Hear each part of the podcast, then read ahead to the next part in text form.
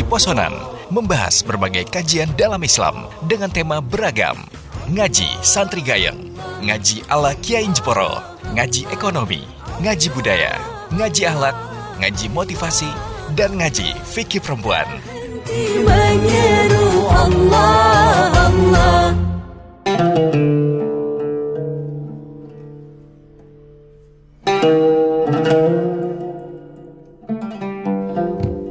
Assalamualaikum warahmatullahi wabarakatuh.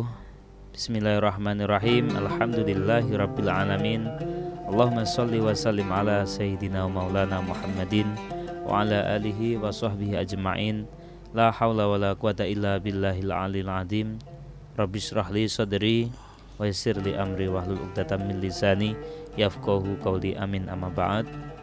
Sahabat Erdisa yang berbahagia yang dirahmati oleh Allah Subhanahu wa taala Alhamdulillah pada kesempatan sore hari ini kita bisa bersama-sama untuk ngaji posonan dalam program acara eh, ngaji poso di Radio Erlisa di 94,7 FM Radio Erlisa Radio aslinya Jepara. Dan sahabat Erlisa pada sore hari ini eh, tanggal 25 April 2020 ya kita ngaji hari Sabtu ini kita ngaji tentang motivasi. Nah yang pastinya eh, saya tidak sendirian, sahabat Arisa. Pada sore hari ini eh, sudah ditemani oleh salah satu ustadz muda dan juga salah satu akademisi juga pernah pesantren jadi sangat luar biasa kita sapa terlebih dahulu Assalamualaikum Kang Fuad Waalaikumsalam Gus Mikdad bagaimana kabarnya Alhamdulillah Bisyukurillah masih Baik. kuliah ya ini ya Iya kebetulan Libur. masih kuliah Libur dan ya kuliahnya di jalan-jalan begitulah Kalau saya dulu dulu kuliahnya S1 kan jenengan udah S2 ini. Alhamdulillah. Masih semangat puasa guys tadi ya. Alhamdulillah Insya Ini saya Allah harus panggil Ustadz karena ngaji. Oke, sahabat Erisa, eh, ini kita akan eh, ngobrol ya. Ini kira-kira ngobrol apa ini Ustadz? Ngaji apa ini? Ya katanya Motivasi itu apa ini? apa ya Hari ini mungkin anak muda ini agak kurang butuh diberikan ini asupan gizi untuk terus bersemangat itu Iya, Gus harus diberikan motivasi. Ya, jadi apa judulnya ini mot- motivasi anak muda dan literasi gitu ya. Ya terserah lah gitu aja mungkin Oke, sahabat Erisa, nah, ini kita ngobrol-ngobrol bincang-bincang santai aja ngajinya kita ngaji nyantai aja ya.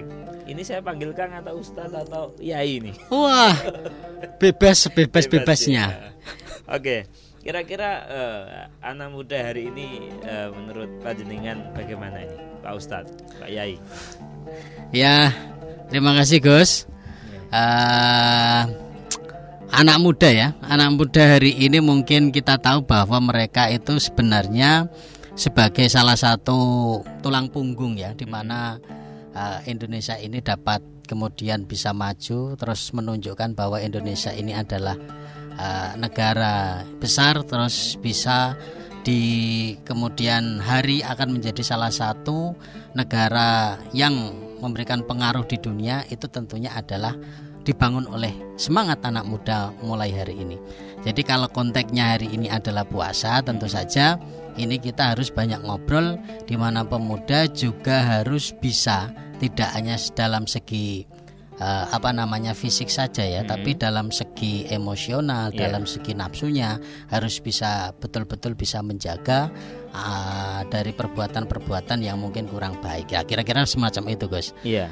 Jadi eh, kalau saya boleh menyimpulkan atau sedikit ya menambahi bahwa pemuda hari ini adalah pemimpin gitu ya. Oh ya, betul itu. itu kalau nggak salah ada hadisnya juga ya Ustaz ya. Eh, ini ya, kalau hadis jenengan yang lebih kompeten ya. Oke, jadi eh, kira-kira hari ini pemuda hari ini menjadi pemimpin hari esok ini ini bagaimana ini? Iya. Tentu saja eh, di era globalisasi yang semakin tajam ini persaingannya, Ya. pemuda harus bisa membaca ini sebagai peluang yang harus bisa dimanfaatkan dan harus bisa ditangkap. Mm-mm. Eh, oleh karena itu pemuda harus sudah mulai hari ini siap-siap betul Mm-mm. bahwa ini 5 10 sampai 15 tahun yang akan datang ini pemuda yang akan mengatur dan mengelola sistem eh, yang ada di Indonesia ini Ya. termasuk adalah eh, soal masalah apa namanya dakwah agama terus Ya. kemudian media sosial Mm-mm. dan perilaku-perilaku masyarakat yang hari ini ya tentunya pemuda sebagai jangkar di mana mereka harus memposisikan diri sebagai eh, tulang punggung pergerakan di desa maupun sampai tingkat ke eh, negara ini kira-kira Iya. semacam itu Gus. Oke, kalau kita sedikit menyinggung tentang pemuda ya. Ini kan jenengan juga sebagai akademisi juga pernah menjadi pesantren ini ya. Pernah mondok itu. nah, ini kalau menurut jenengan ini antara ini kalau kita boleh membandingkan ya Iya, Ustadz ya betul. antara anak muda yang hidup di pesantren dengan anak muda yang ada di tidak di pesantren lah istilahnya di, di lingkungan kampung dengan juga pemuda yang ada di di kota di kota-kota besar ini ini bagaimana menurut jenengan ini ini kategorinya masih anak muda ini Ya, jadi kalau saya sangat bersyukur Gus. Ya. Jadi saya itu ya dari kecil mungkin sudah dipondokkan ya. Oke. Eh, kebetulan saya dari kecil dipondokkan terus kemudian saya eh, meskipun SMA tidak lulus Gus karena Iya. tidak melanjutkan. ya Saya beruntung kemudian saya bisa melanjutkan di perguruan tinggi. Jadi main setting yang dibangun oleh para pemuda itu tergantung apa yang kemudian dipahaminya.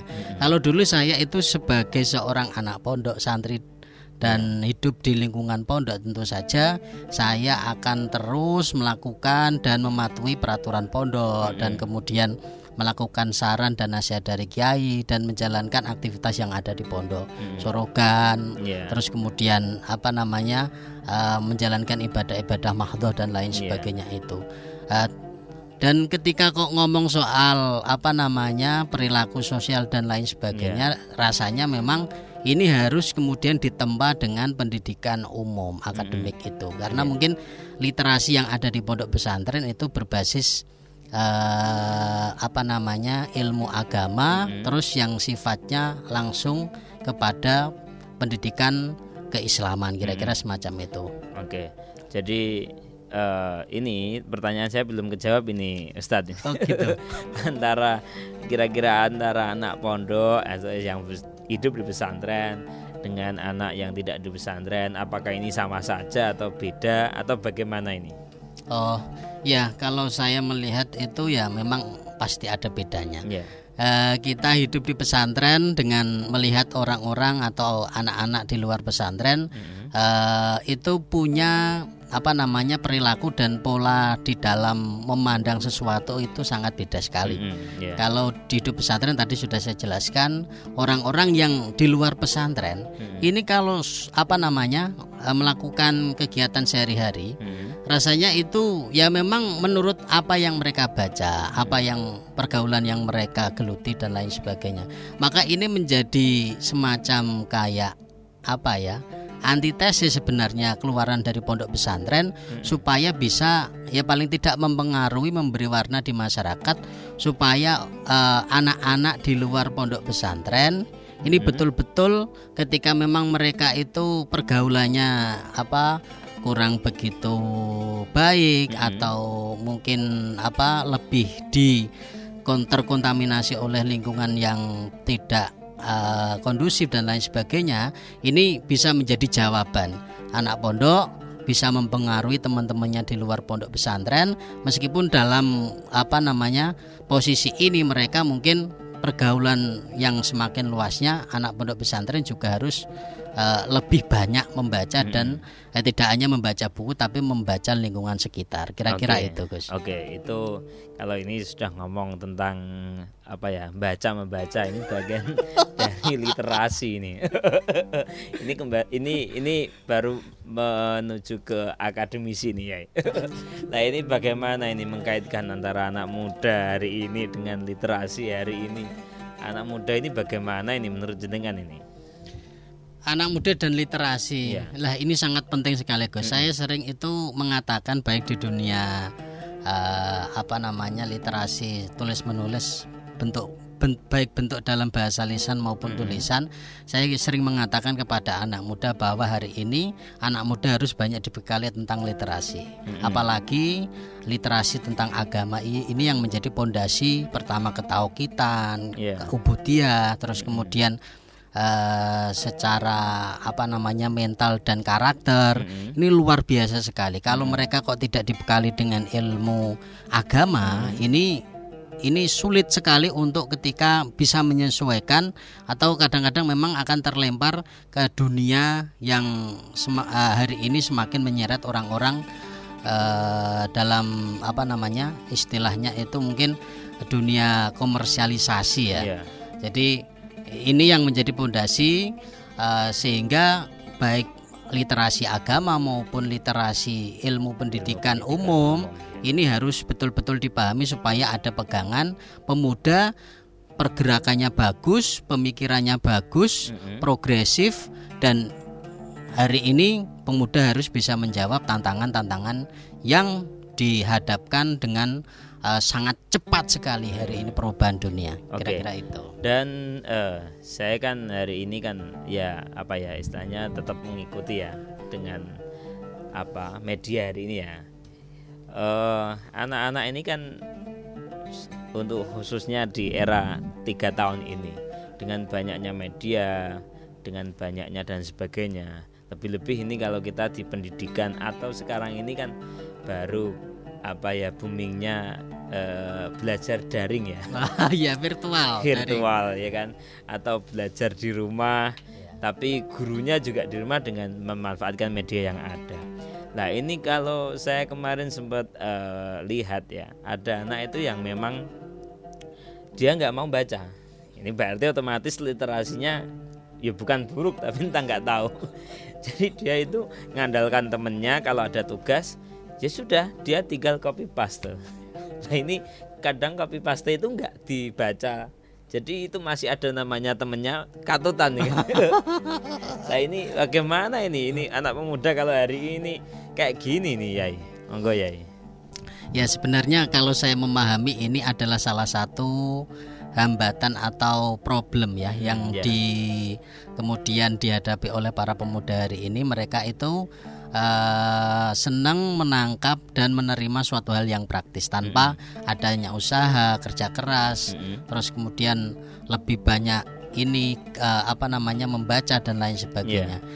Dan ini mempengaruhi eh, pola pikir mereka di dalam eh, melakukan sesuatu. Jadi kalau semacam itu mintanya hanya praktis, siap saji, terus kemudian tidak mau repot-repot, Iya. ya akan mempengaruhi mental mereka sehingga ketika mereka menghadapi banyak problem, tantangan, dunia yang semakin cepat, eh, globalisasi yang sudah hari ini kita tahu sendiri, ya proses apa namanya pendidikan karena yang mungkin hari ini kita baru mendapatkan eh, ya bisa dikatakan musibah, bisa Iya. dikatakan anugerah ini mudah-mudahan eh, ini semua dapat kita jalani dengan baik dan Iya. menyerahkan semua kepada Allah Subhanahu wa taala. Nah, ini pemuda harus membaca ini sebagai salah satu eh, tantangan bahwa pemuda harus bisa menggunakan media sosial, literasi ini sebagai bagian pembelajaran yang harus bin- memang betul-betul dilalui dan sebagai proses daripada pembentukan karakter diri, Gus. Kira-kira Hmm, semacam oke. itu. Terus ini lagi, ini berkaitan dengan pemuda, karena kan kita juga masih muda ya, ya. kita ini masih muda.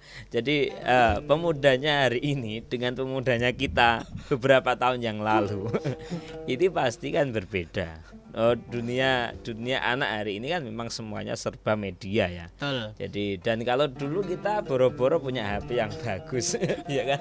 Apalagi poso-poso gini nggak ada, paling ya nggak ada mainan HP dan seterusnya. Ngaji lah ini kalau Iya, di, di pesantren. Dan ini menjadi satu problem ketika apa namanya hari ini anak-anak yang sudah literasinya saya bukan mengatakan buruk ya tapi ini generasi copy paste ini ini bagaimana ini kira-kira apa namanya anak-anak hari ini atau pemuda hari ini kok sampai seperti ini bukan kita berarti menjustis bahwa 10 tahun yang akan datang anak ini nggak kan juga nggak gitu Iya, ya. betul. Nah ini bagaimana mungkin bisa diberikan kepada sahabat Erdisa yang mendengarkan radio, yang mendengarkan ini untuk memberikan apa ya istilahnya eh, motivasi semangat lah, Ya. semangat literasinya maksudnya. Oke. Ya, jadi pertama begini Gus, Iya. Eh, ketika kita itu kemudian tidak bisa eh, katakanlah bertanggung jawab dengan dunia literasi, terus kita hanya bermain copy paste dan eh, hanya ingin praktis saja, ini Mhm. nanti saya yakin akan eh, pertama menyacati daripada proses akademik kita. Iya. Yang kedua, ini akan mempengaruhi tadi sudah saya sampaikan pola pikir atau karakter daripada orang eh, pemuda itu sendiri. Jadi kan tidak mungkin ketika kita bayangkan pemuda yang cerdas, pemuda yang punya literasi baik, punya apa namanya pola pikir yang eh, luas dan Iya. lain sebagainya itu hanya sekedar eh, memakan mentah informasi terus kemudian menjalankan sesuatu itu hanya setengah-setengah saya yakin tidak akan bisa ditempuh semacam ini. Iya. jadi kita harus memang susah payah belajar yang tekun terus kemudian harus banyak mengambil dari beberapa sumber baik baik ber- eh, basis data dan lain sebagainya. Iya. itu sebagai bagian dari proses pembentukan karakter yang baik.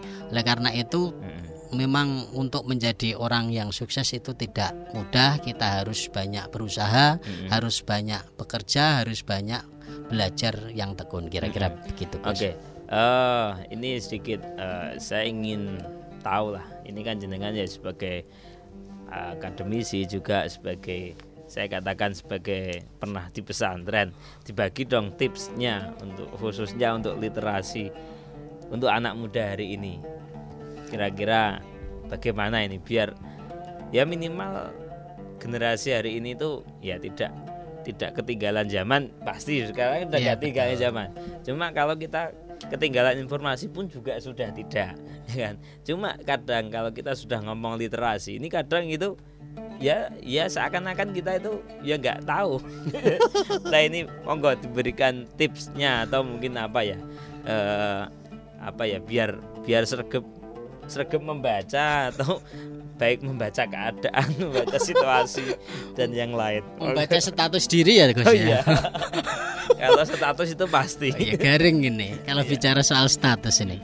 Ya, jadi pertama seperti ini. Kebetulan saya itu ya dulu atau sampai sekarang itu ya masih berkutat di pondok pesantren. Iya. Jadi untuk masalah literasi tentang apa namanya eh, ilmu keagamaan baik itu dari sumber kitab kuning dan lain sebagainya itu ya sedikit, sedikit banyak masih tetap bersinggungan. Namun yang menjadi catatan penting menurut saya ketika teman-teman kok kepengen menumbuhkan rasa semangat untuk berliterasi, membaca apa pun itu yang kira-kira bermanfaat bagi kita, ya kita kumpul lah paling tidak dengan orang-orang yang hari ini memang eh, doyan apa namanya baca kemudian doyan diskusi doyan melakukan kegiatan-kegiatan sosial Iya. keagamaan terus mem- eh, di dalam organisasi ini luar biasa. Jadi saya banyak belajar betul dari saya ikut organisasi ikut dengan orang-orang yang punya punya apa namanya kapasitas untuk membaca peradaban hari ini. Oleh karena itu dorongan itu loh saya terus kemudian memposisikan bahwa saya itu memang ya orang yang sangat serba kurang kalau berada di tengah-tengah orang yang punya literasi apa namanya kuat ya kan Iya. Gus. Artinya kita akan membangun motivasi itu kalau kita memang eh, di eh, apa namanya di lingkaran orang-orang yang memang punya literasi bagus. Di entah itu di organisasi entah itu di dunia apa namanya akademisi Ya. yang penting paling tidak kita dekat-dekat lah dengan orang itu kira-kira itu. Gus. Terus nah ini kalau kita sudah nyerempet tentang organisasi ini.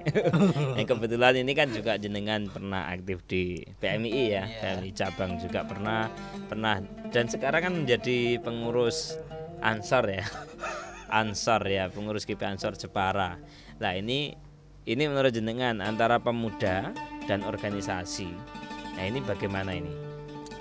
Ya, saya bersyukur Hmm. saya ikut terjun dan di tengah-tengah organisasi kepemudaan yang ada di Banom NU baik itu saya aktif di pergerakan mahasiswa Islam Indonesia Ya. terus kemudian saya sedikit-sedikit ikut ngabdi Gus Ya. di Banar Ansor kira-kira semacam itu Ya. Banar dan itu apa ya?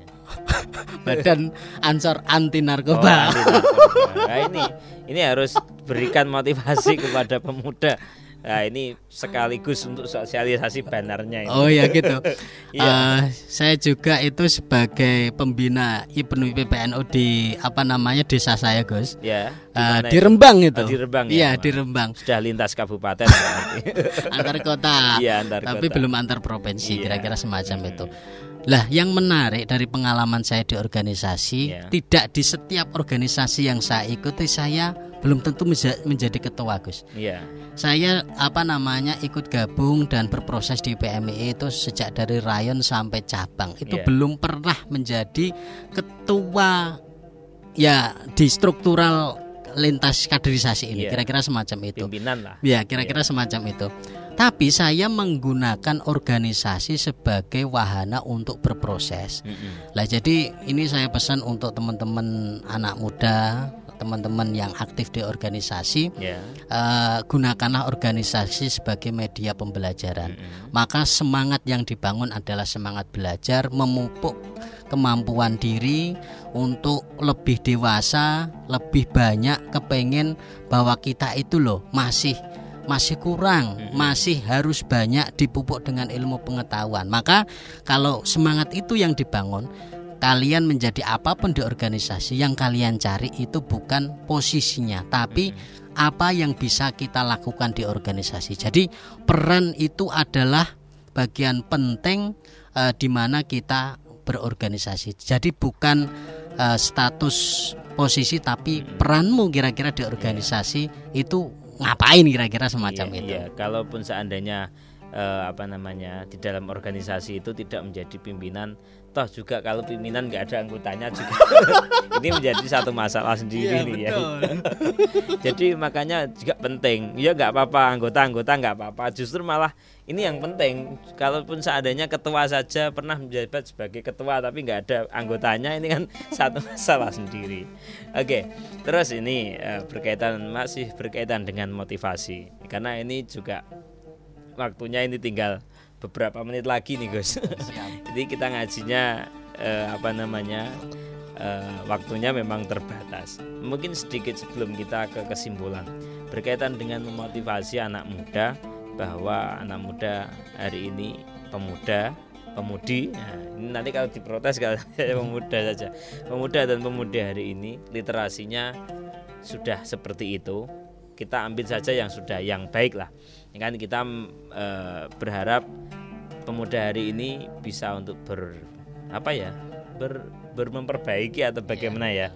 Nah ini saya ingin berharap motivasi dari jenengan apa yai ini untuk memberikan motivasi untuk anak muda dan juga untuk sahabat Erlisa untuk pendengar Erlisa juga di mana pun memberikan eh, semacam motivasi Ya, saya mau ada hal yang ingin saya sampaikan dengan teman-teman yang sekarang masih mengas- mengaku pemuda ya kan dan pemudi dan lain sebagainya itu katakanlah eh, apa namanya gunakanlah masa muda kalian dengan sebaik-baiknya. Jangan sampai eh, masa muda ini terus terbuang begitu saja. Karena ketika pola pikir di dalam sesuatu itu kita tidak bangun mulai dari muda memang akan sulit terus tiba-tiba kita kepengen merubah jadi diri atau pola pikir kita. Iya. jadi kalau semangat muda itu tetap kita gelorakan maka sampai kapan pun kita tidak akan pernah lelah untuk terus belajar Gus. Mm-mm, untuk terus berusaha untuk terus memompa atau eh, apa namanya eh, memperkaya, memperkuat wawasan, terus kemudian kapasitas diri dan lain sebagainya. Iya. Maka saya sering gelisah Gus ketika mendengar teman-teman di kampung seperti Iya. itu, ya kan? Mm-mm. Padahal dari awal saya itu ya sebagai ano salah satu pendiri dan lain sebagainya dengan teman-teman yang Iya. lain. Ketika saya kembali ke kampung, saya ajak untuk ya tetap ngopeni, yang tetap mendampingi teman-teman yang sekarang masih aktif. Saya sudah Iya. tua. Hah, gitu. Kamu apa ya namanya yang bawa-bawa saja yang masih muda. Lu wong saya sampai saat ini yo masih apa ikut-ikutan ngopeni kok. Iya. Artinya ini kalau kita kok sudah menganggap bahwa diri kita itu sudah tua, sudah banyak berproses, sudah puas dengan apa yang sudah kita lakukan, Mm-mm. maka tunggu saja. Kalian umurnya pasti tidak akan lama. Ya, Jadi semangat muda itu tidak harus dibangun ketika kita masih muda. Semangat muda ini harus ter- terus terpompa di mana pun kita eh, berada.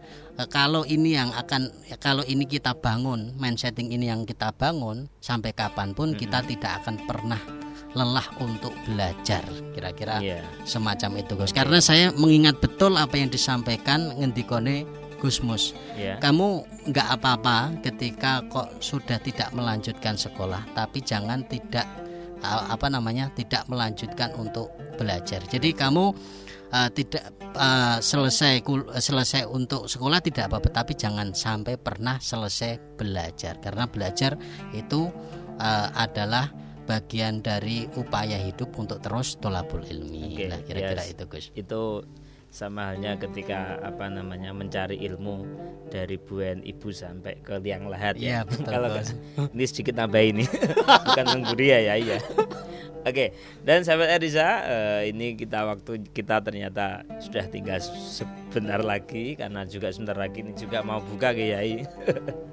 Oke, sedikit closing ya untuk untuk untuk kepada sahabat Erisa memberikan kesimpulan dari apa yang kita obrolkan dari awal sampai akhir ini. Ya, baik. Jadi saya nggak usah simpulkan. Saya cuma kepengen tadi, kepengen sampaikan bahwa anak muda itu adalah eh, generator di mana eh, kalian itu tinggal. Jadi kalau kok kalian tinggal di desa, kalianlah tulang punggung pergerakan atau keaktifan eh, semua aktivitas yang ada di desa. Kalau kalian tinggal ada di eh, katakanlah di kota, maka kalian akan sebagai em, akan mempengaruhi pola pikir yang ada di kota. Kira-kira semacam itulah. Oleh karena itu, di mana pun kalian berada, kalian harus sadar pemuda adalah eh, generasi yang mem- bisa membuat dunia ini semakin bisa eh, apa namanya penuh dengan harapan eh, katanya eh, apa namanya eh, subhanul qaumi rijalul ghad itu ya Gus Iya. ya. Jadi pemimpin masa dep- apa pemuda hari ini adalah pemimpin masa depan. Maka kalian harus me- dari anak muda ini banyak terus belajar supaya ya masa depan daripada Indonesia, masa depan dari bangsa ini, masa depan dari agama yang uh, ada di Indonesia ini menjadi agama bangsa yang berjaya. Amin. Gitu kira-kira, amin, ya. Rabbal alamin. Oke, dan kami ucapkan terima kasih kepada Ustadz Kiai Fuad. ini saya nyebutnya harus lengkap. Double. Pusing ini. Iya. Nanti gelar saya kalau sudah ini malah Iya, repot iya, lagi. tambah gelarnya double double. Oke, kami ucapkan terima kasih Ustadz eh, bisa gabung di Erisa dan apa namanya sudah memberikan motivasi kepada kita semuanya, khususnya kepada teman-teman pemuda-pemudi semuanya, sahabat Erisa semuanya. Dan jangan lupa ini saya sedikit menambahi ah, bukan menambahi ya menyimpulkan. Jadi pemuda hari ini ayo baca buku supaya kita menjadi lebih tahu. Kalau kita tahu kita tak akan tersesat. Kalau kita tersesat hidup kita ini eman-eman karena cuma hanya sesaat. Oke itu ya. Saya sekedar menyimpulkan dari obrolan eh, pada ngaji. Bukan obrolan ya ya. Ngaji karena tadi sudah dibacakan hadisnya juga. Oke dan kami perlu ingatkan sahabat Aisyah setiap hari Sabtu ya kita akan ngaji motivasi. Dan pada hari ini telah memberikan motivasi eh, kepada kita semuanya yaitu Kiai Fuad dari PMI dan juga dari GP Ansor dari apa lagi ya banyak organisasinya terima kasih ya Gus Yai, Durian ya. juga, oh, Gus Gus Durian. Durian ya Iya. oh, Gus Durian Jepara juga ya itu. Ucapkan terima kasih Kiai Yai. Ya, sama-sama, Gus. nggih, Siap. atas ngajinya. Dan eh, demikian eh, ngaji kita pada sore hari ini. Semoga berkah bermanfaat untuk kita semuanya. Dan apa yang kita kerjakan semoga diridhoi oleh Allah Subhanahu wa taala. Amin, Amin, amin, ya Allahumma Rabbal amin. Terima kasih. Saya Mikdad Sa'roni dalam ngaji posonan eh, edisi hari Sabtu di ngaji motivasi. Mohon pamit dan insya Allah ketemu di kesempatan yang akan datang. Wallahul muwaffiq aqwamit thariq. Wassalamualaikum warahmatullahi wabarakatuh.